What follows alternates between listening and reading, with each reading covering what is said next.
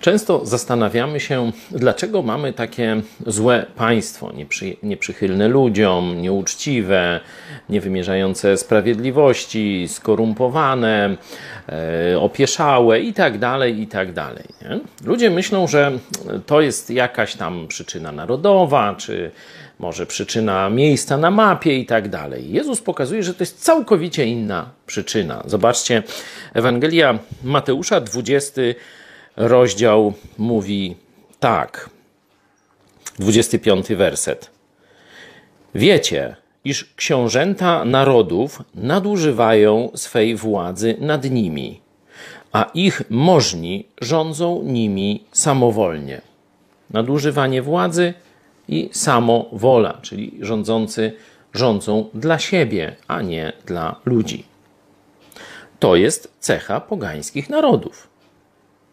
Jezus opisuje to w sposób jasny. Książęta narodów, tu chodzi o narodów nieznających prawdziwego Boga. Taki będzie los każdego narodu, który nie zna Boga.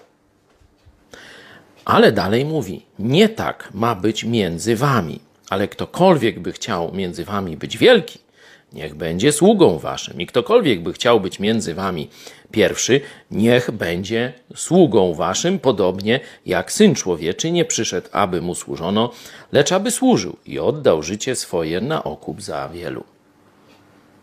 Tylko państwa, gdzie z jednej strony elita będzie właśnie miała takie cechy, o których Jezus tu mówi, a ludzie, przynajmniej w znacznej części, będą od swoich elit wymagać właśnie takiego postępowania, czy wybierać do władzy ludzi właśnie z takimi cechami, będzie miało inne państwo niż to, które mają pogańskie narody. Inaczej mówiąc, dopiero kiedy społeczeństwo stanie się chrześcijańskie, będzie miało władze, które będą czyniły dobro dla swoich obywateli. Proste.